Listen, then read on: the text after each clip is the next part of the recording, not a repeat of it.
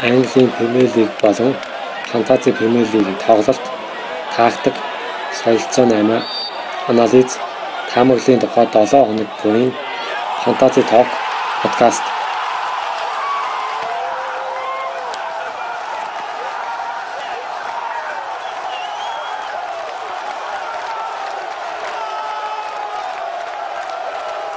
Фантаси Премьер Лигийн 5 дугаар тоогийн тоглолтууд болж өнгөрлөө.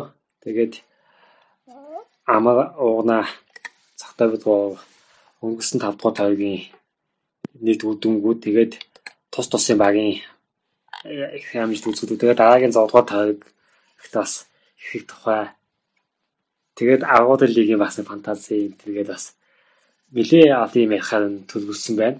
5 дугаар тойрогт 60 оноо авсан байна үсттэй. Арай нэг хаан гаргасан чинь 2 оноо авсан. Тэгээд Фабиански гаргасан бол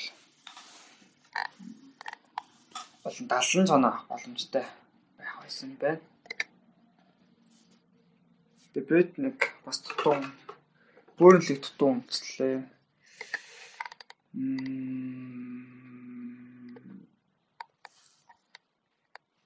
За тэгээд дин оноо аваагүй байна. Ваа холбор асаа 2 оноо авсан.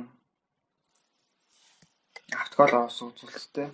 Тэгээд саалаг ахлагчаар тавьсан. Саалаа нэг 12 18 оноо авч багийн хамгийн өндөр оноог авсан. Бус нь бол тун хангалтгүй тоглолоо. Одоо Стерлинг бүр аимшиг хангалтгүй. 2 оноо, Сигүрцэн 2 оноо. За, Ван халт хасах 2. Динд тиг Лүнстрам 2 ч гэдэг юм уу. Их муу төрөг болж өнгөлөө. Тэгээ яг хөө дундаж оноо 50 оноо юм байна. Тэгээд дунджаас жоохон тэгвэл оноо авсан байна. Тэгээд тойргийн дотор тойргийн дараа 8 хайсан. Робертс нэг бэртэлтэй байх үеэр нь зарсан. Робертс ч бас оноо баг авсчихсан. Тэгээ Робертсонд Александр Арнольдыг авчлаа. Робертсон бүр өмнө унаад 6.9 байсан. Тэгээд Арнольд 7.1-тэй болсон. Тэгээд 0.2-ын алдагдaltaй 8 игээд муу тойргол болж өнгөлөө дөө. Миний хувьд Одоо FC багийн тухайд гэвэл өмнөх тойрогт юу гэхээр баг дөрвөн сэлгээ хийчихэж байгаа гэсэн үг л дээ. Тэгээд 8 оноо асуулаад 3 сэлгээ сэлгээ юм байна. Тэгээд яг нийтдээ 68 оноо авсан. Багийн гол оноо хэн авсан бэ гэхээр ихэдөө давтагчоор агуура яг агуура нэг гол хийсэн гэдгээр аваагийн оноо капитан тавьсан учраас тэгээд Пуки аваагийн оноо Калвин Вилс 13 оноо гэдэг говьд автогч маань ихэд говуулаа ихэд маш сайн тоглосон учраас багийн гол оноог авлаа. Дундын шугам бол ихэд тэгэл нэг нэг нэг оноо гэж баг авцсан. Джеймс нэг оноо, Силва нэг оноо, Сала хэд оноо юм дээ? 3 оноо юм. Яа, Сала яа 9 оноо юм бэ. Гол хийсэн юм. Сибадас нэг оноо. Тэгээ Дигни 0 оноо. Эвертноос Вамбисака клинчит хийсэн гэж 6 оноо авсан юм байна. Тэгээд тэгээ Папескиг каар гаргасан учраас гээд аваа оноо гэл тэгэл үндэстэн 2 оноо гээд 68. Тэгээд нөгөө гасах 8 оноотой гэсэн утгаа юм 60 оноо авсан гэсэн үг л дээ. Багийн тухайд ийм байна. Тэгээд Сергей Кантвел 6 оноотой тэгээд уг нь Сепалос ч юм уу Силва Милвага олон 7 оноо гарах хэрэгтэй байсан юм шиг байна. Тэгээд яач тэгж одоо мэдхүү. Нөгөө юг Ситиг баг л юм уу Норвич балбаад гэх юм бодсон чинь тэгээд тийм гой тоглолт болсонгүй. Тэгээд нэг онооны хувьд ийм их хөтөн. За уунаа гэмээр. За миний багийн үед болохоор Төрөчийн 4-р тойрогт бол 61 оноо аваад ер нь бол яг дунджаас жоохон дээгүүр байсан. Яг энэ тойрогт болохоор 45 оноо авсан. Дунджаас доогор дундаж оноо 52 та байгаа. Тэр нь бол гараагаа буруу сонгосон. Хаалгачийн гараа буруу сонгосон. Дахиад гаргасан бол 9 оноо авах байсан байлаа. Тэгээд Патришио хараад хожигдсан 5 гол алдсан гэдгээр 0 оноотой. А тэгээд Ван Хол тас 2 оноо. Тэгээ Анголтоос бол Аке Александр Арнольд хоёр бол 2-2 оноо л авсан. Тэгээ хагасууд бол Ламела 8 оноо.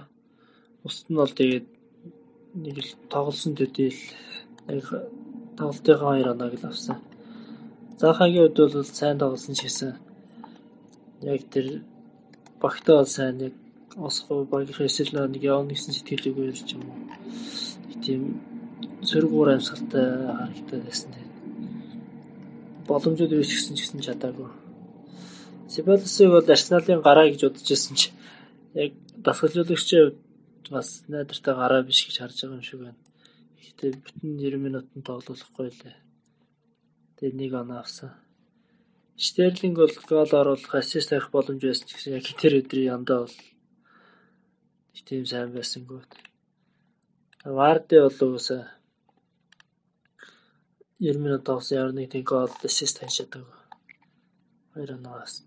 За хамгийн өндөр оноо авсан Норвичийн Поки 12 оноо авсан. Тэгээ капитана Перминегаар сонгогдсон байсан. Пермине яг үндсэн цагт бол 7 оноо авсан. Тэгээд бонустайгаа нэг 8 оноо. Тэгээд капитанаар сонгогдсон байсан болохоор 16 оноо авсан юм үзүүлэлттэй. Тэгээд нийт 45 оноо. Хэрвээ Дихаг гараанд гаргацсан бол 9 оноо нэмэгдээ 54 оноо авах боломжтой дунджаас жоохон дэвгэр байх боломжтой гэсэн байна. Харж байна да. Тэгээ энэ тагийн ихэд тоглолтуудын тухайд би ихий ямар ч сэтгэлтэй байна. Нийт үр дүнгийн тухайд. За нийт үр дүн гэх юм бол эрэндээ яг нэг Премьер лигийн багуудыг яг таамаглаж ерөөсө болдгоо гэдэг тийм тойрол болсон сая Тэгээд Ливерпул угаасаа юугаа хажиж байгаа. Никаслыг хажиж байгаа. Энэ бол тодорхой. Учиргээс Никасл бол нь хожиж ихэлсэн шүү дээ энэ тоглолтын дээр. Тэгээд бас барыг тэнцчих юм болов гэсэн чинь э, тоглолтын явцад бол яг өөрийнхөө тоглолтод оруулаад явчихвал том бол. За энэ Brighton Burnley бол бас яг таамаглажсэн нэг дагуул явсан л да. United яг талаар орох очсон. За тэгээд Тоттенхэмийн тоглолт бол ер нь баг эргээд ирсэн юм. Уулын Кристал Палас чинь яг нэг тийм сайн биш байгаа юм шиг боловч эхний тойргуудад бол хожигдлгүй баг байсан. Хоёр ажилтай байсан. Дөрөв тойргийн дараа. Тэгээд тав дахь тойрог дээр бүр ингэ дөрөв майл болчихж байгаа. Тэгээд энэ дэр болохоор Санхимийн маш сайн тоглосон. Тэгээд Тоттенхэмийн яг тоглолтын агуулга нь бол Харикейн руу урд нь яг assist хийж Харикейн л барыг довтлох тийм үүрэгтэйсэн одоо болохоор Харикейн руу барыг нэг хаяхгүй л. Хүн болгоноор ингэж жилүүтэй тарааж хаяад тэгээ Харикейн ч гэсэн өөрөө барыг хоошоо татж тоглоод өөрөө ассист хийж тоглож илээ. Тэгэхээр барыг нөгөө багийн лидер барыг сон байж болохоор тийм хөвлөлөөрийн шилжиж байгаа юм шиг л. За Челсигийн 5-2 гэсэн тоглолт. Энэ дэр болохоор ялч нөгөө судлагдаагүй залуучууд гэж ярих юм уу?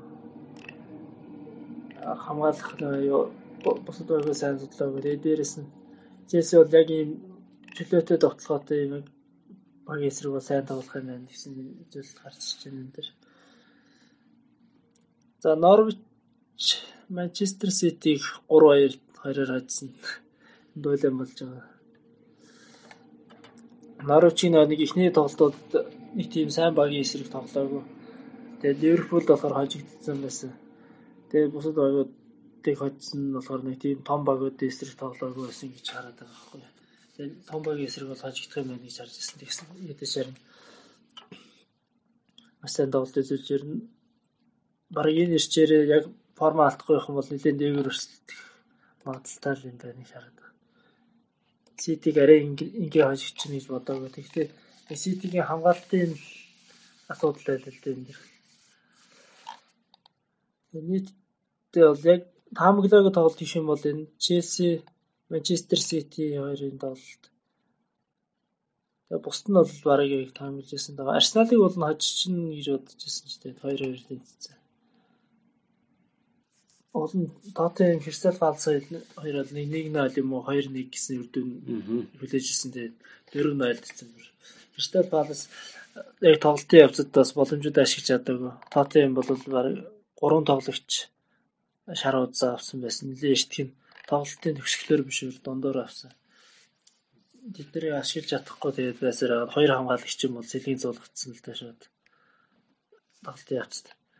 Хэрвээ тэр хэнийг нэгнээр тоглолт хийгээд яг тактикийн тоглолт хийгээд улаан удаа авахулж чадсан бол бас зөрүүлээд нэг ганц хоёр голын боломж үүсгэх бас байх гэж бодож байгаа. Тэгээд Кристал Палас дээр бол яг довтлогчийн л асуудал байлээ дээ. Ер нь бол яг бүрэлдэхүүнээр бас нэг тийм муу гэхээр бас хэцүү. Үүсгсэн боломжоо ерөөс ашиглаж чадахгүй. Аюу гарсан гараанд тэгээд аюу бол яг нэг ихтэй шатаж тоглоод эсвэл өөрөө биеийн хүчний тоглолтод бол биеийн хүчээр их юм бол гэсэн биеийн хүчний тоглолтод дийлдэд байсан байхгүй. Та тиймд. Тэгээд сэлгээр бентеко орж ирээд бентеко сүүлд орж ирсэн болохоор сурттай юм болоо гэсэн чинь хурд илэрх чадахгүй хамгаалагчд бөмбөг алдаад байгаа байхгүй. Бүр сул гаргаж гисэн бөмбөгийг цогч чадахгүй нэг дараад хаан суураад гараад ир чадахгүй шүү хамгаалагчтай орооцолтой бөмбөг алдаад. Тэгэхээр энэ Кристал Паласт бол довтлогчийн асуудал байна гэж харж байгаа. Тэгээ заахад бол нэг дийлэн бараг тийм багийнхан бол нэг бөмбөг өгөхийг бол төсөхгүй байлээ дээ.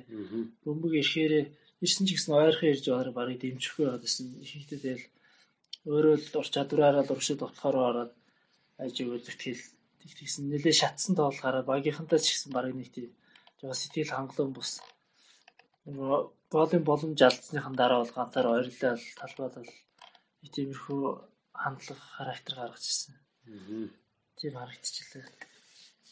Тэр нь бол баг өөрийнхөө хүслээр энэ чинь заахаач нэг саяхан нэг 2 3 хоногийн өмнө дөө менежер юу алдсан байлаа шүү дээ. Агенттай ажилласаа алдсан.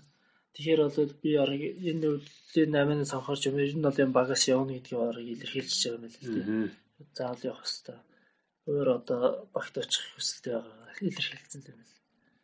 Тоттенхэм Кристал Паласад хаад нөгөө өмнөх тавигт нөгөө Англи Премьер Лигийн аналистууд аналистуудын нэг сүжан шах шах болохоор нөгөө Агуэро бүн ч юм уу Стелингийн капитандыг гээд нөгөө нөгөө хоёр хоёр нь хэлж яахад үгүй цооныг бас капитанж болно шүү гэсэн нэг өөр хувьдрээс санал хийж исэн. Тэр бас аргагүй биш байсан байна л да. Саам нэг нь гаан гарахгүй байжаад энэ дээр нэг аамны тгийг нь хаацсан сайн хоолны гэдэг ч нөгөө таавалжсан байсан. Тэгээ нөгөө энэ гарахгүй жаа шууд гаангаа тавлахаар нөгөө тэгээд хоёр гол хийчихэж бонус оноотойгоо саам бодох усаа капитан тавьсан бас өндөр оноо авах байсан байлээ. Мэдсэн хүмүүст бол саам нөгөө нэг яг ядралцгүй л байгаа л да. Тэгээд формо яг гайгүй болсон бэлтгэл сайтаас үл ядралцгүй. Тэгээ хоёрдугаар нэг Тоттенхэм хочж байгаа юм тоглолоор энэ нэг олон жилийн дээр нэг багуудын хоорондох тоглолтын дээр юу хайд юм лээ. Нөгөө хоорондын тоглолтын нэг тийм уур амьсгал байгаа шүү дээ. Ийм багийн эсрэг сайн тоглолт гэдэг чинь. Кристал Палас бол Тоттенхэмийн яг энэ талбай дээр нь 10 хэдэн жил голдож үзээгүй гэж. Тэрээс гол оруулаа гэх тийм ч мэдсэж. Дандаа хит тийг ч юм уу тэдийг эсвэл тийг тийгээр тэнцсэн тийм тоглолт хийсэн гэж байна. Ер нь яг Тотемын талбай дээр ирж бараг 2000 хэдэн оноос хичлээ 11 жил илүү баг. 12 3 жил бараг нэлээ олон жил юм голдог өгч. Тэр зүйлдээ идэж чадахгүй л яваад байгаа юм лээ. Бараг тэр сэтгэл зүйдээ ялагдаад байгаа юм уу? гэсэн тийм юм харагдчих. Сүүлийн жилүүд одоо Арсенал одоо бас бат хоодыг бас нэг баахгүй талдаа болчиход байгаа. Тоглолт нийлдэггүй ч юм уу Гэхдээ яг Венгийн үед бас нэг арай өчигтэй байсан байна. Энэ удаагийн унагийн тоглолт бол ер нь нөгөө тактикийн юу гэх юм хойно тэр нөгөө Папалов цагийг хаалгач руугаа паслсаар байгаа л нэг гол айл бэлгэлээл. Сократ бэлгэлсэн. Тэр бэлэг болцсон л доо. Тэгээд 60 минутанд баг баг говн сэлгээ хийгээд говнд уртаа тоглохчаа суулгаад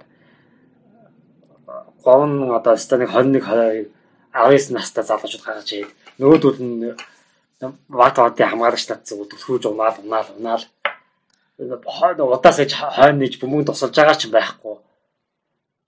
Тэгээд хожигдоо тэнцсэн л баяр болсон л да тэгээд.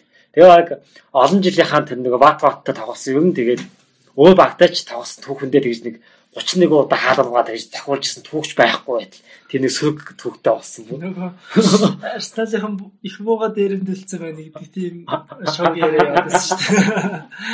Өөртөө загсан 7 гэж байгаа. Өөртөө 7 цохиод 2 оруулсан. 4 хаалгаа байсан байна. Тий. Тэгээд Watford болохоор 31 цохиод 16 удаа хаалгаа байсан. Тэгээд хоёр гол орсон. Их мууга дээрэмдэлцсэн байна гэсэн тийм яриа яваад байгаа. Тэгэхээр фантазигийн Premier League-ийн ч юм Англи Premier League ихснээс хойш хамгийн муу фаунтай байгаа баг чи Watford байтал юм. Тэр багийг чи баг л тэгээ League хойд явж байгаа баг баг шүү дээ. Энэ тий. Тэгээ тоглолтын өгөх юмд нэг дараа нэг сэтгүүлч ч юм зураг авсан байсан байхгүй нөгөө Абогийн ингээд маань цаана нь болохоор нэг папа.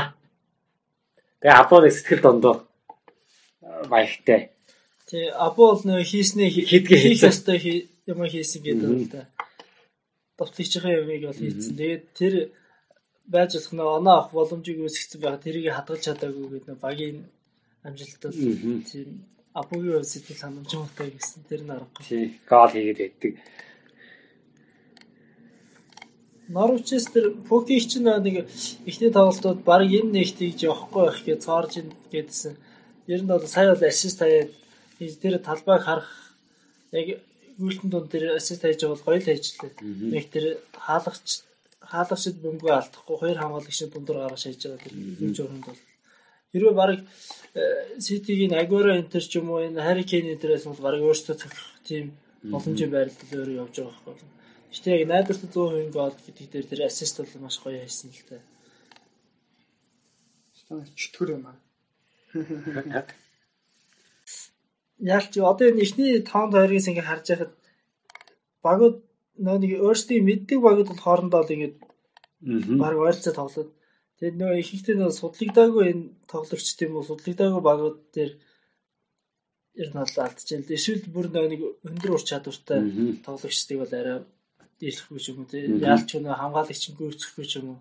Гардаар тиймэрхүү тоглолтууд дээр л бараг тоглолт шийдвэрлэгдэх байх шиг юм л. Норвичиг бол яг харах нь гүйц судалж чадахгүй. Энэ чинь яг нэг хим маягаар тоглохгүй байгаа шүү дээ. Янз бүрийн ур чадрын сил гаргаж тоглоод байгаа. Тоглогчдоос тоглогчд нь бол ядч дотроо хоёр байна. Челси бол сая ингээд хождгийг нь бол ерөөсөө юу ячиж байгаа шүү. Нөгөө дандаа залуучууд гарч ирээ шинэ тоглогч. Тий. Актemi 8 залуу байгаа гэдэг. Магадгүй азар байгаа жирүү өдр тэгж яг урдын гараагаар тоглосон бол ур чадвар тэр эсгэлээрээ өндөр илүү баг яригдэн шүү дээ. Тэгсэн ч гэсэн яг нэг тоглолтын хэм маягийн мэдх болохоор хамгаалаад барыг нэг тийм ингэж бол гол алдахгүй л. Мгм. Тэгэхээр нөгөө хүн яадаг тийдэг яг тэр нарийн хэмээн судлалын хөлбөмбөг бол тэл судалгаа шинжилгээ л болчихсон л дээ бас талаараа. Багийн тэр амжилтууд Нэгдийн нэгдүгээр байна. Аа, Ливерпул 15 оноотой. Тэргүүлж байгаа 5 тавигт 5 хожигдолтой. Сити болохоор 3 ажил 1 тэнцээ. Нэг хожигдлыг сая өнгөрсөн дөрөвт Норвич Ситид хожигдсон. Аа, юм болохоор 2 ажил 2 тэнцээ. Нэг хожигдол. За 2 хожил 2 тэнцээ нэг хожигдолтой олон баг байгаа. Тоттенхэм, Маню, Лестер Сити, Челси, Арсенал, Вест Хэм гээд аа хоёр тэнцээ гурван очигдaltaй Вартфорд байгаа. Тэгээ нэг тэнцээгээ төрөний тавигт Арсеналтай тэнцэж авсан. Арсенал болохоор Вартфордтой тэнцээд 8 оноотой болсон байна. За Sheffield United бол бас сансны утгад хацсангүй гайгүй 5 оноотой байгаа юм байна. За Ливерпул ингээд City-гээс 5 оноо тасарсан явж байгаа. Аа тэгээд дараагийн тавигт Ливерпул Челси гэсэн бас гой тоглолт том тулаан гарна. Гэтэ Челсигийн хамгаалалт бас тийм сайн биш байгаа болохоор Ливерпулийн хожно гэхэд нэг ихтгэл муутай л байна. Гэтэ түүний дор Вулверхэмптний эсрэг үзүүлсэн тоглолтоо гаргавал хожиж магадгүй. Ягаад гэвэл Вулверхэмптон бол хамгаалтаар их сайн байсан. Тоглоом муунд байсан ч гэсэн. Тийм болохоор бас хэцүү. Гэтэ Челсиг Челси Ливерпулийн хожно гэж бол итгэхгүй л байна. Одоо Ливерпул одоо яг нээлттэй довтлож тоглох бол Челсид бол боломж. Харин Ливерпулийг яг хамгаалтан дээр тулгуурлаад яг үндсэн сөрөг довтлохыг гэж явах юм бол Челси бол яагаад ч чадахгүй байна. Яг хоо Челсигийн хоёр жигүүр хамгаалагч нь болохоор Эмерсон битэлтэй. Түүний тоглолтод хин гарсан? Алансо гарсан. Тэгээ Алансо болохоор ассист нэг ассист өгсөн. А хам тоглоом мөртлөө хамгаалалт хэд хэд удаа алдаа гаргацсан. А баруун жигүүрт нь болохоор Аспи байгаа. Аспи бол тэгээд хурд нь удаашрсан. Ер нь бол хийтэй болцсон. Аа Ливерпул ч юм болохоор баруун зүүн зүгээр чинь зүгээр манай саалыг хоёр амир тоглогчтой. Аа тэгээд Робертсон бэртэлтэй байгаа. Тоглоом угнаас мэддэхгүй. Аа аа баруун зүгт нь бол Арнолд байгаа. Тэгэхээр Арнолд бол ер нь Алансодой тулна гэсэн үг. Аа За хиний оронд орох Милнер гарах болов гэж таамаглаад байна. Робертсны оронд Милнер Гомez ч хаа болохоор л харагдав. Тэгэхээр аль нь ч гарсан тэгээд ер нь Алансог бол биеийн хүчээр илүү ихчих байх. Тийм болохоор энэ бас их л сонирн байх боллоо. Челсигийн хамгаалтын судал нь хоёр жигүүрийн хамгаалагчид байна л ялцж байгаа.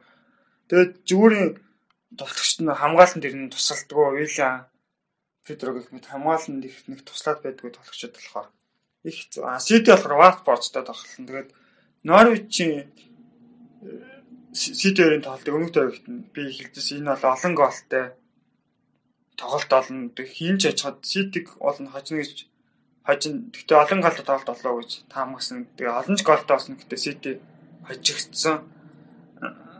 Бас Сити бүр нэг бас тотлогоогүй байгаад хожигдоогүй. Харилцаа их товтлсон. Хамгаалт нь Сити хамгаалт бүр яалтчгүй муу байна л да. Лопот ер нь тэгээ суучаар Стоунс Хотмын тэгээ хоёр хийтэй хамгаалагчтай болчиход байна. Тэгээ Сэлхэн тэгээ Сэлхэнээс ер нь гарах найдвартай бас сайн хамгаалагч байхгүй болчихсон. Гэтэ энэ тоглолтод одоо Сити хож хожиж Ливерпул хожигдчих энэ хоёр одоо оноо ойртохгүй бол 5 оноо гэдэг бол энэ Премьер лигт ойрхон шиг мөртлөө бас их удирлын сүүлэр их юу зөрүү үсгэх оноонууд байна. За тэгээд сонирхолтой тоглолт гэх юм бол 3 дугаар байранд явж байгаа Тоттенхэм 5 дугаар байранд явж байгаа Лестертэй тоглох юм байна. Аа 8 дугаар байранд явж байгаа Вестхэм 4 дугаар байранд явж байгаа Манютай тоглох юм байна гэдэг. Дараагийн тоглолтын дээр нь их нэгээс 8 дугаар байр ер нь тэр чигээр солигдох юм байна. Дээр нь багууд оноогоороо тасраад эхэлсэн байна. Яа тэгэхээр одоо нэг төвж байгаа Ливерпул хоёр төв 20 төвж байгаа Вард Ботер хооронд 13 оноо зөрүү байгаа. А уул нь Арсенал очсон бол Вартфорд нэг оноотой байх байсан чинь тэгээд Арсенал нэг оноо бэлгэлц Сократс ингээ бэлгэлцсэн. Лүз гэх юм уу одоо. Лүз лүз ч юм уу. Энэ хоёлаа бэлгэлцлээ. Давид Луис ер нь бол баг нөгөө Челсигийн доор оруулна гэдэг бараг явчих юм шиг. Тэр шаг цаг яваад байлээ. Хуу хуучин багийнхаа гэрээсээр бараг яваад. Ямар сайндаа нөгөө Челсигийн одоо тавьж байгаа хөсөс тоглогч нь Арсенал гэж нэг бүгд зараг тайлдаг. А Арсеналаас явж байгаа Челсигээр явж байгаа тоглогч нь маш цам өгөөд байна гэд шаг яваад байгаа л та мөн. Одоо Ливерпул нэг хожигдчих юм бол одоо энэ доор байгаа 8 оноотой багууд хожоод дээшээ гараад ирэх юм бол ойролцоо болоод бас өрсөлдөөн гоё болчих юм тий. Харин тэгэхгүй бол Ливерпулийн 3 тавьж байгаа багасаа 7 оны зүйтэй 3-аас 2 бүтэн тоглолтын зүйтэй болчихж байгаа юм байна. 3-аас 8 хүртэл байгаа багууд бол юу вэ штэ 8 оноотой. Тэгэхээр бид нэр бүгд нэг нэг хожчих юм бол 12 оноо 11 оноотой болж Ливерпул нэг хожигдох юм бол 13 15 оноотой юм. Бараг хоёр хожигдчихэж бараг ойртох юм. Тэгэхээр амар хол зөрөөд Хол зөрөө 7 онооны зөрөө гэдэг чинь. Тэс одоо ингээд нөгөө Сити бүр хожигдож болохгүй болчиход байна л да. Дараагийн тоглолтуудад 5-1 зөрүүтэй болсон учраас Ситид их дарамт ирсэн. А Ливерпул харин их тайвширчлаа л да. Яг тэгэхээр Ситигээс бараг 5-1 чинь хоёр тоглолтоор даваа болчихж байгаа учраас хоёр тоглолтод хожигдсон ч болохоор болчиход байна л да. А Сити энэ байдлаар өөр нь өвлөөр нь хамгаалагч ирэлт гарах боллоо гэж таамаглаад байна. Тэгээ зах зээл дээр бас сайн хамгаалагчид бас хэд байгаа хэлээ гэдээ харахаар. Тэр энэ дэр юу яах вэ? Яг одоо нэг ихний яг 16-аас нэг 20 дахь тойрог орчин болоход Ливерпул яг энэ зайгаа адалж чадах юм барыг төрүүлнэ гэж үзэж байна. Тий. Хэрвээ тэр хооронд яг энэ нэг 2 3 оноонд ойртож орж ирэхгүй бол тэгээ тэр нь барах бодлоо олно. Сити болоо бусад багийн өрсөлдөөнүүд бол тэр авах өрсөлдөөн. Ихтэй одоо нэг аргуудыг эхэлчих юм бол яг энэ ичний дөрөвд байгаа Премьер лигээс орж байгаа багууд бол нэлээ бас тоглолт солрох байхаа. Ядралт авах бах. Тийм. Ливерпул, Гэтэ Манчестер Сити тэр. Сити хожигдож болохоос илүү Ливерпул хожигдож болохгүй болчиход байна л да миний бодлоо. Тэгвэл Сити чинь сүүлийн хоёр удаа дүүсэн хоёр удаа бас оноогоор тасраагүй сүүлээс нөгөө байрч явсан. Ихэнтэй их муу тоглолцоогоод байрч явсан болохоор Сити барих сэтгэл зүйх сайн байгаа байгаа гэж бодож. Тэгэхээр Ливерпул ингэж аваад нэг унах үедээ гэсэн Одоо энэ Челситэй тоглох тоглолт нэлээд юм харуулах байх л да. Ер нь Ливерпултэй яаж тоглох вэ те? Эсвэл яг Челси үнээр барахгүй бол нэрээ бас хэцүү. Яг ойролцоо тоглолт үзүүлээд бас хожих ч юм уу тийм тоглолт гаргах юм бол Ливерпултэй тоглох тэр нэг бусад багуудын бас тактик бас нэлээд тодорхойлж байгаа л та. тийм байна. За одоо чинь тэгээд агуулгал лигээс гадна нөгөө Английн цом тэгээд Карапа кап тэгээд бас тэг юмнууд бас байгаад байгаа. Тэн дээр яг нөгөө нөөц баг магаа ч юм уу сэлгэний нөхдүүдээ тоглолоо ч гэсэн үндсэн багаас юм тоглоолж л таарна. Тэгэхээр бэрхэл гэмтэл ядал тэгэл энэ дээр л хэрхэн зөв менежмент хийхээс их олон зүйл шалтгаална да. Хэрвээ яг Премьер лигээл бодох юм бол их эрт хоёуланд нь хоёр туслах тэмцээндээ хоёр хоёулыг ингээд хаяал хожигдоо хожигдож өгөөл нөгөө албад хожигдно гэж байхгүй те нөгөө 3 дугаар баг магаасаа баг хүүхдүүдэд тоглуулад тэгээд нөгөө доотлогийн баг хожигдчих юм бол ачаалдаг болчихно.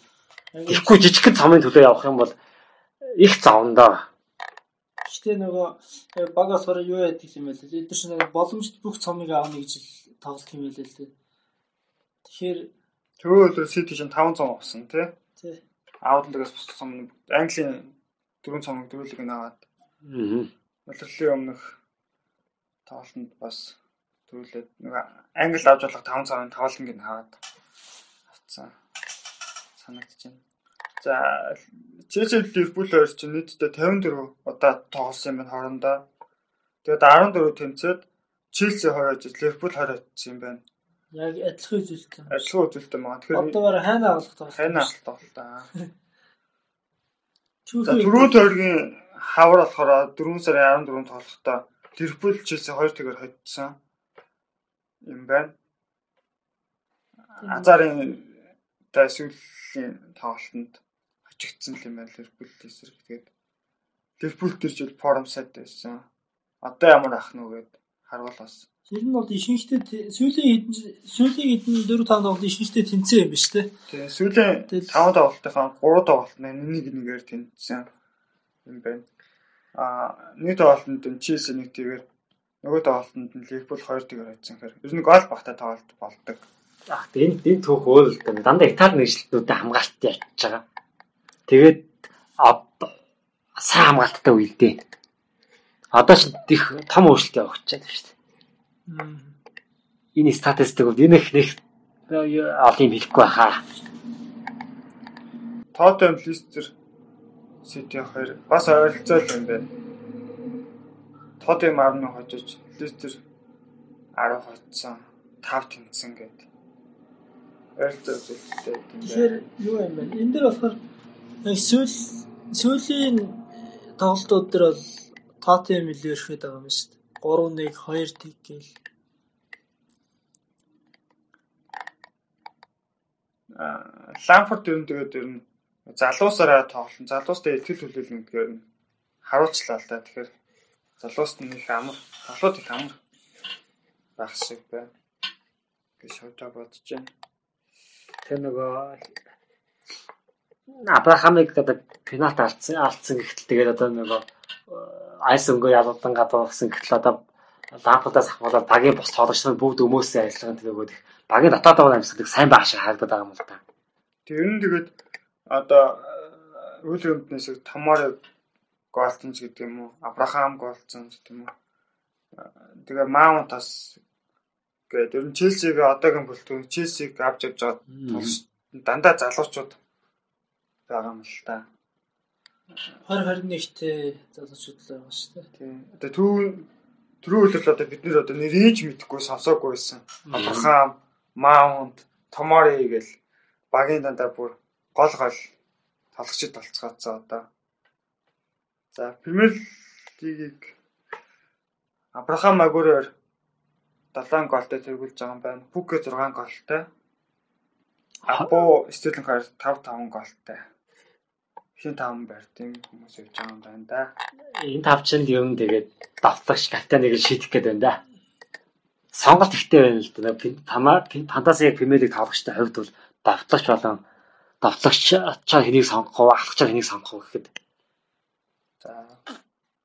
De Bruyne 5 ассисттэй. Firmino Давид Силва Норвичийн Бундия 3 4 ассисттайгаар бас тэргүүлж байгаа юм байна. Анхлаа дамжуулдаг.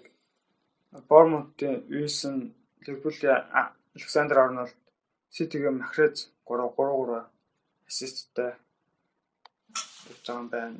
Махрез бас Сэлгэнээс тоглож байхад их үр бүтээлтэй. Гэхдээ Махрез эхний удаа эхний тоглолт 3 ассист өгсөн. Дахиж тэгээ дахиж аваад гараагүй. Норвичиг бас Сити бас нөгөө дэндүү баг үнэх шиг боллоо. Тэг Брюний тоглолт гараанд гараагүй ч гэдэг юм уу. Зарим тоглолчтой нөгөөд ер нь их Бройн шиг л бол гараанд гарчих юм бол ер нь заавал нэг голд оролцоод байл л тий. Брюнтэй тоглох юм бол арай өөр байх байх л та.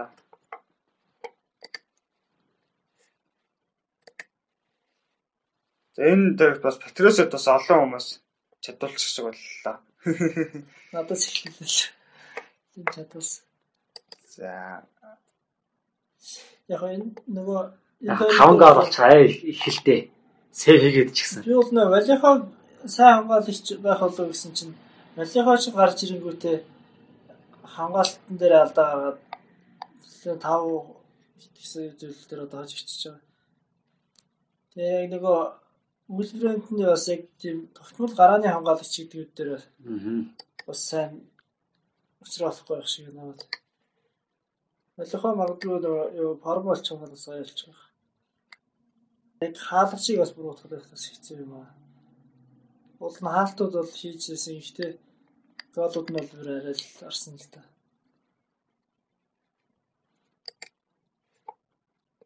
Тэгээ энэ тарихт бол миний хувьд онцлоод байгаа онцлмоо баг нь юу вэ гэхээр Борнмут байгаад байгаа юм л да. Борнмут Ватахтай хазуулах юм бол хийдэг юм аа л хийгээ хийгээд байгаа.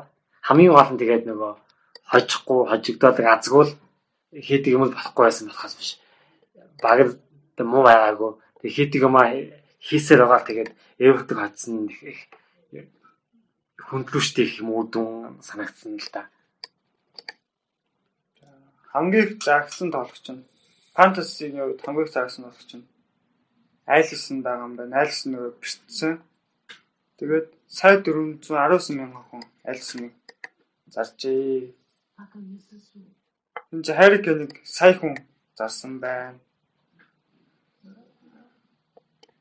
Аа, холдож авсан хүмүүс гэхэд Пукиг бас хамгийн 600 хүн холдож авчээ. Бараг 200 700 орчим Маунтыг бас сая 700 холдож авсан бол Кентүлийг 10 сая 500 45 мянга. Абрахамыг сая 500 хүн худалдаж авсан байна. Энэ тойрогт болохоор хиний хамгийн их авчээ гэсэн чинь Абрахамыг энэ тойрогт 422 мянган хүн авчээ. Хоёрт Пукиг Пуки Маунт Кентвил 3 ойролцоо үзүүлэлттэй буюу 250 мянгаас 220 мянга байгаа юм байна. За энэ тойрогт хэнийг хамгийн их зарсан бэ? Гэх юм бол хивний зэг хамгийн их заржээ. 121 мянган хүн зарсан байна. Хариканыг 103 мянган хүн зарсан байна. Барнсыг 100 мянган хүн зарсан бол Стерлингийг 88 мянган хүн заржээ. 88 мянган мянга татан би яваа. Стерлинг нөгөө хүмүүс Стерлинг яагаад зараад байна гэхээр уул нь төрөчийн 7 хоногт нөгөө хөдлөж авснараа тэргүүлжсэн шүү дээ баг. Тий. Тэгээ яасан гэсэн чинь нөгөө Агуэро буцаж орж ирээд би ер нь багийн лидер гэдэг сэтгэл зүйтэй нөгөө тоглох гараад ирэхлээр хүмүүс Стерлингийг зарж байна л да. Гэтэ Стерлинг бол нэг тийм зарахад бол тийм зөв сонголт биш хаа. Яг зараад нэг саалахыг авал юу юм хийс. Бусдаар бол Стерлинг Стерлинг бол одоо асаамгалтын байрал дээр бол нэлээ өндөр зүйлээр ямар тоглолтыг хизээч гялцаж болохоор л тоглож л та. За нөгөө байрлал нь зөвх байх нөгөө Бонмотын Калум Вилсон Стерлинг хоёрыг ингээ хайцуулах юм бол хоёулаа ялгаагүй нэг нь давтаж нэг нь хагас хамгаач тоглож байгаа ч хоёулаа давталгаанд авч байгаа гэдэг нь харах юм бол Вилсон болохоор нийт эхний 5 тойргийн тоглолтод 3 ассист 3 гол гэсэн үзүүлэлттэй. Тэгээ тойрог бүр заавал нэг оноотой. Нөгөө ассист юм уу голын. Тэгээд тэгвэр их юу байлээ. Тэр нөгөө ашигтай тоглолт үзүүлсэн байлээ. яг тойрог бүрт нэг тоглогчдоос юм харахаас хэцүү байл л да. Чи эхний гурван тойрог дээр бол Челсигээс орг авах хүн байхгүйсэн шүү дээ. Тэгсэн чинь одоо нөө Маунт Абрахам хоёр нарыг Абрахам болоод ингээд худалдаж авсан таагаар тэргүүлчихлээ шүү дээ. Тэгэхээр ерөөсө хоёр тойргийн дараа л ингээд тодорчж байгаа байхгүй. Тэр одоо сая ингээд зарагдж байгаа энэ Барнас ч юм уу энэ тоглогчд эднэр бол дараагийн тойрог дээр бол хилцээд байх боломжтой байхгүй. Эдгээр шиг 7 нэг болгоно нэг бас хүний бие махбод амьд организм явж байсан мэдээж ядарч таарна тийм ээ. Тодорхой хэмжээний амралт бас байх хэрэгтэй. Нэг тоглолтын дээр жишээ гүйлт бахта дараагийн тоглолтын дээр би амралт байх юм бол тоглолтын ур чадвар техник бас гарч ирэх боломж өдр болоод байна.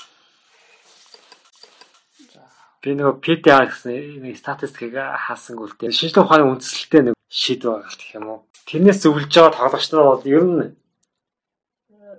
авахд буутахгүй болоход байгаа байхгүй юу? Компьютер фантасигийн зүгээс тавигт баяртай альбанууд давтлагчийг Мупайгээд давтлагчийг ер нь баг голт хавах гэсэн чинь нөхөж голтсон л явж илээ бас. Мөрөөдлийн богт хамгийн их Орсон тоглох гэсэн чинь 5 тойргийн дараачаар Абрахам 3 удаа Орсноо хэрэгүүлж байгаа юм байна. Сала Мане, Де Бройн, Агуэро, Вистергард, Пепенски на 2-2 удаа орчээ. Абрахам бол 8-1 сонголт юм байна л да нөгөө өөрөлдөө багт авна гэдэг чинь тисвсэн тисвээд өндөр оноо аваад байна гэсэн үг шүү дээ. Абрахам бол ялч тэ энэ жил нөгөө хамгаалагч бас мэдэхгүй байна л да. Абрахамыг ямар тоглолттой яадаг гэдгийг мэдэхгүй учраас энэ хүний биеийг одоо яаж хамгаалах вэ гэдэг дээр бас болохгүй. Манайг бол мэдээд байгаа мөртлөө дийлэхгүй байгаа гэх шиг байна тий. Манай яг уу нөгөө Сарла Фермино хоёр явах юм бол Сарла болохоор миний анзаарснаар Сарла бас бусдыг харах орон зайг бас хараад байна л да. Бусдад хаях боломжийг хараад тэр боломжтой өөрөөсөө илүү өөр хүн боломжтой юм дамжуулалт өгөөд тэр хүнийг голдуулах юм. Аа эсвэл хэцүү байдлаас ер нь өөрөө тоглохыг хичээхгүй боломжтой хүмүүсийг дамжуулалт хийхийг илүүд үзээд а манай л хэцүү нөхдөж гисэн өөрөө зөгчөөд байна л да. Тэгэхээр нөгөө олон цогцолтоос гол арах магадлал өндөртэй. Тэгэхээр манай ер нь одоо муухагаар хэлэх юм бол одоо азаа үйсэн цохилт их хийгээд тэр нь орчоод саал болохоор илүү багийн тоглолтыг үзүүлэх гээд дамжуулаад байна гэж би хараад байгаа. үндсэн байралтай болоод байгаа бол одоо жишээ нь фантазийн сонголтын дээр бол саалаач хагас хамгаалагч манай ч бол зөв довтлыг шийдэж гарч байгаа шүү дээ. Тэгэхээр Гүггүй хаа. Үгүй Хаасаа маргач. манай Тий, хагас довтлогч төр байсан. Үгүй ээ. Манай ерөөсөө. Манай давтагч. Давтагч байсан бол авчлаг байх юм аа нэг. За Ливерпулээс Премьер төр байсан. Феминал тэр давтагч Ориги хаяа. Тийм тийм. Тэр яг би Премино саалаа тэгж хараад байгаа л та. Тэгээ манайг болохоор өөрөө ингээд зохийг илүүд үзээд байгааг хараад байгаа. Яг хоо манай нөгөө илүү зүүн зүгүүрт яг хоо бодвол тийм эрхчлөөг нь өгсөн байл бүдээ одоо Карапе зүгээс. Яг хөөний тэр нэг характер нь бас нэг тийм байна л да. гэж би бас одоо тэр Тэгэхээр аггүй хаатагт нь давхиж тоглож ийн гэвэл их бас болоод байна л та. Тэгэхгүй тэр нэг нэг азах шиг ч юм уу гоё нэг ишвчтэй амьд чинь тэгээд нэг сүс сүлдийг нь дагчаа тавтнах байж байгаа шүү дээ. Магадгүй манайгаас нэг ассист хүлээх юм бол тэр хүн чинь өөрөө тоглолтоо гаргаж чадахгүй л дээ. Би магадгүй ингээд хоёр боломжийн нэгийг би хайх ёстой гэх юм бол тэр юм чинь тэр хайх нэг ур чадвар тэр бодох хугацаанд өөрийнх нь бифизлэгтэнд харахгүй байж юм билүү те. Тийг бодож жоохон ингэ хүлээгээд нөгөө тоглогчтой авах юм бол нөгөө дотлохоор нурч тийм нөхцөл гарч байгаа хэл те. Тэр нөгөө өөрийнх нь тоглолтын хэм маягаар тоглож тоглоо амжилттай болж байгаа учраас тэр дасгалжуулагч нь шиг хийж байгаа л. одоо ингээд юу харах юм бол Премино 4 ассист хэдийн өгсөн байгаа байхгүй. Хоёр галтай нөө. 2 гол 4 ассисттэй. Тэгэхээр их өндөр зүрхтэй. Саала болохоор 4 гол 2 ассисттэй. Премино бол Манай болохоор 4 голтой байгаа. Асист авахгүй те. Надад жилийн зүйл бас тийм шүү дээ. Голден тэнцүү Исмэртэй манай ассист байхгүй 2 ассист байлаа 3 ассист байлаа байсан. Гэсэн чинь нөгөө Салачи өөрөө 11 ассист байлаа байдаг. Тий. Тий. Саала дабл гэсэн. Тэ. А, Саала 22 гол 12 ассист. 12 ассист тийм тий.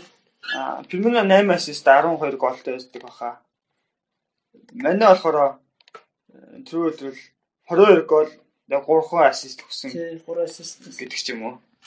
Тэгэхээр фантасид бол нөгөө манай байж бодлох зүг сонголт очоод байна л та. Тэгэхээр ассистаас илүү Гол нь гол нь өндөр оноотой болно.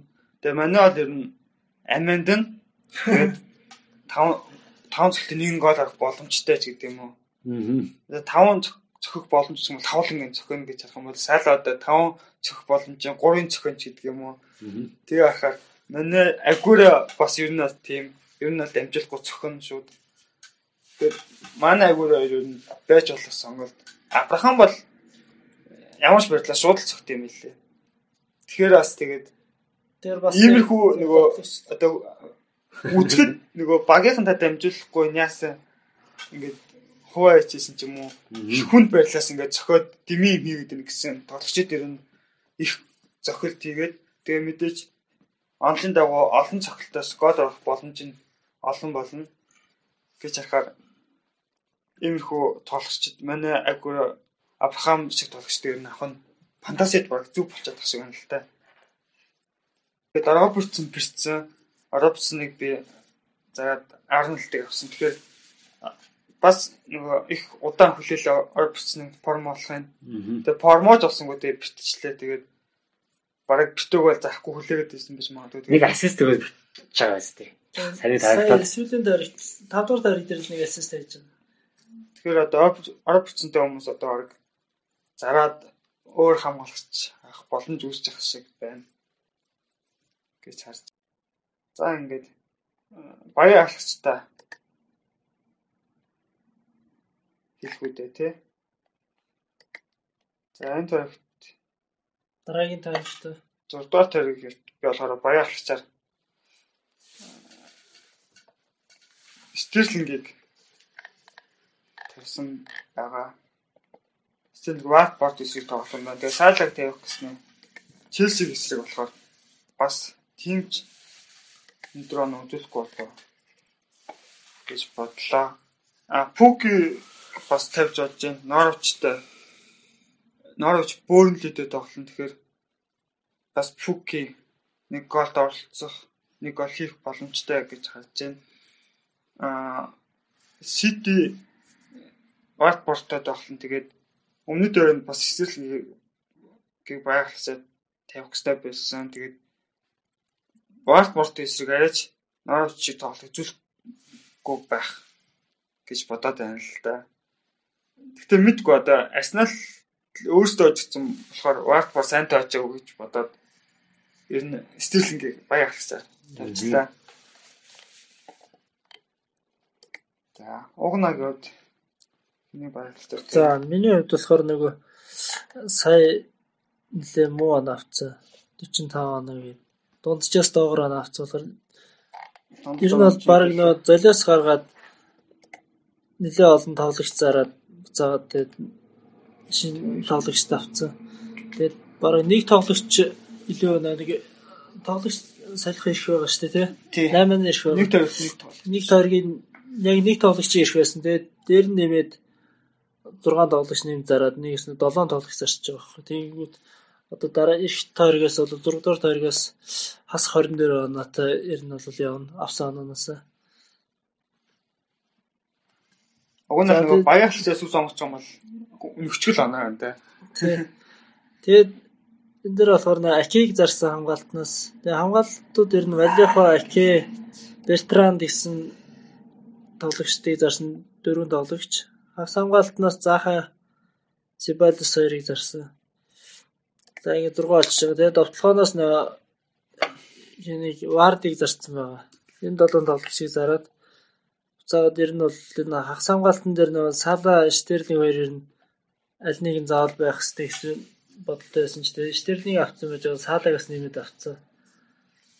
Тэгээ урд давталгаан дээр бол нөгөө угаасаа хүн бүрээ сонголт алчаад байгаа Абрахамыг аваад. Тэгээ ийм үнэтэй тоглогчд авцсан болохоор Сала энэ тэрийг авцсан болохоор мөнгө жоохон хэмнэхэтнээс хамгаалт хагас хамгаалт нар Кантвелийг авсан. Кантвел бол 4.9 байсан. Борнмутын Диего Рико гээд хамгаалагчийг авсан байгаа. Тийм том байсан. Тэ.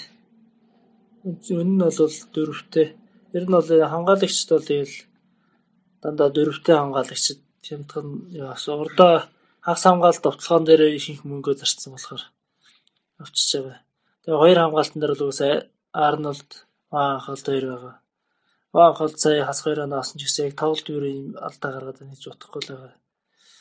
Аа тоглож байгаа. Тэгээд гараан дээр бол нөө хаалгачаар Патрисог суулгаад дэхээ гаргацсан. Дэхээ яг саяны формоор тоглох юм бол гайгүй оноо авчих юм бол гэж бодод. Тэгээд Вест Хэм эсрэг тоглох юм байлээ. Дараагийн дайрагт. За багийн ахлагчийн хувьд бол Штерлингийг сонгоцсон. За Сала сонгож болох байсан ч тэгээд нөгөө бас айлын талбай дээр тоглох. Тэгээд Челсиг эсрэг болохоор бас жоохон хүнд өчрөө юм бол гэж хараад. Тэгээд Штерлинг ер нь бол тоглолцсон. Тэгээд нөгөө дөрвөн дайрагт хожигдсан байгаа болохоор бас нэлээд нууртай орч артай хэцүү байх. Тэгээд тал өөрийнхөө талбай дээр юм ч юм бас найдвартай ойчих байх гэж харж байгаа. Ийм гарааны 11 байна. За гарааны 11-д бол довтлогчор Пуки, Фермино Абрахам. За хагас хамгаалтан дээр Ламела, Кантвил, Сала, Штерлинг, хамгаалтан дээр Александр Арнольд, Рико, Ван Холт, хаалгачаар Давид Ихэ гэсэн юм гарааны арааны гаргасан байгаа. За тэгээ сэлгээнд байгаа хамгаалагчд бол Уусаа хамгийн хямдхан хамгаалагчдаас харж байгаа тэр нь авцсан дөө. Фантази болохоор тэгээ сонгогдсон байгаа. За цагтаагийн багаа яаж энэ энэ тоогийн хувьд бол агуулгын лигийн тоглолтыг хүлээх болчиход байна л да. Саала болон Агвенекс хоёр боломж тийм капитан тавих боломжтой хоёр хүн байгаад байгаа. Тэгээ агуулгын лигийн тоглолтын тоглоод бичвэ бас ядарчихвэ гэж хараад тэр тэрний юм байдлаас харж байгаад юм ядалт багтааг нь юм тавья гэсэн бодолтой байгаа тийм. Саала агөр хоёр ядаж хамгийн багадаар нэг гол юм нэг ассистент олцох байх гэж боддог юм л да. Яг саала ядаж ассист өгөх байх. Агөр ассист баг өгөхгүй байх уу. Гэтэ тэрийг нь хажаар тэгээд айлыг юм капитан нэг тавина. Тэгээд яг Борнмут юутай тоглох байлаа. тавигдчихна. Борнмут наа ёо Норвич бол. Норвич тавнаа.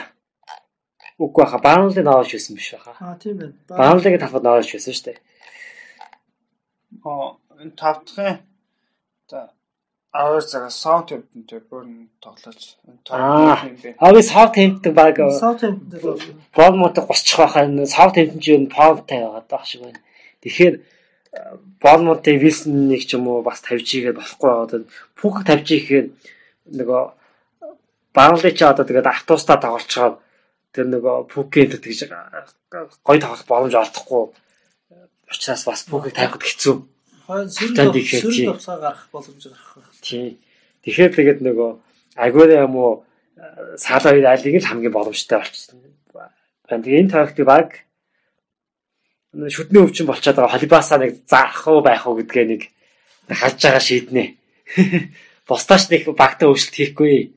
Одоо тэгээд хэдэн таг хүлээ. Тэгээд авгуудын лиг л лиг л хаж байгаа л юм торж гимтэх юм бол яг нэг гимтлийг шалтгаалж байгаа жоо 8 хийвэл хийн. Тэгээд бусдаа бол тэгээд одоо бага нэх өөрчлөхгүй гэсэн бодолтой байна да. За ингээд подкаст өндөрлөхүүд.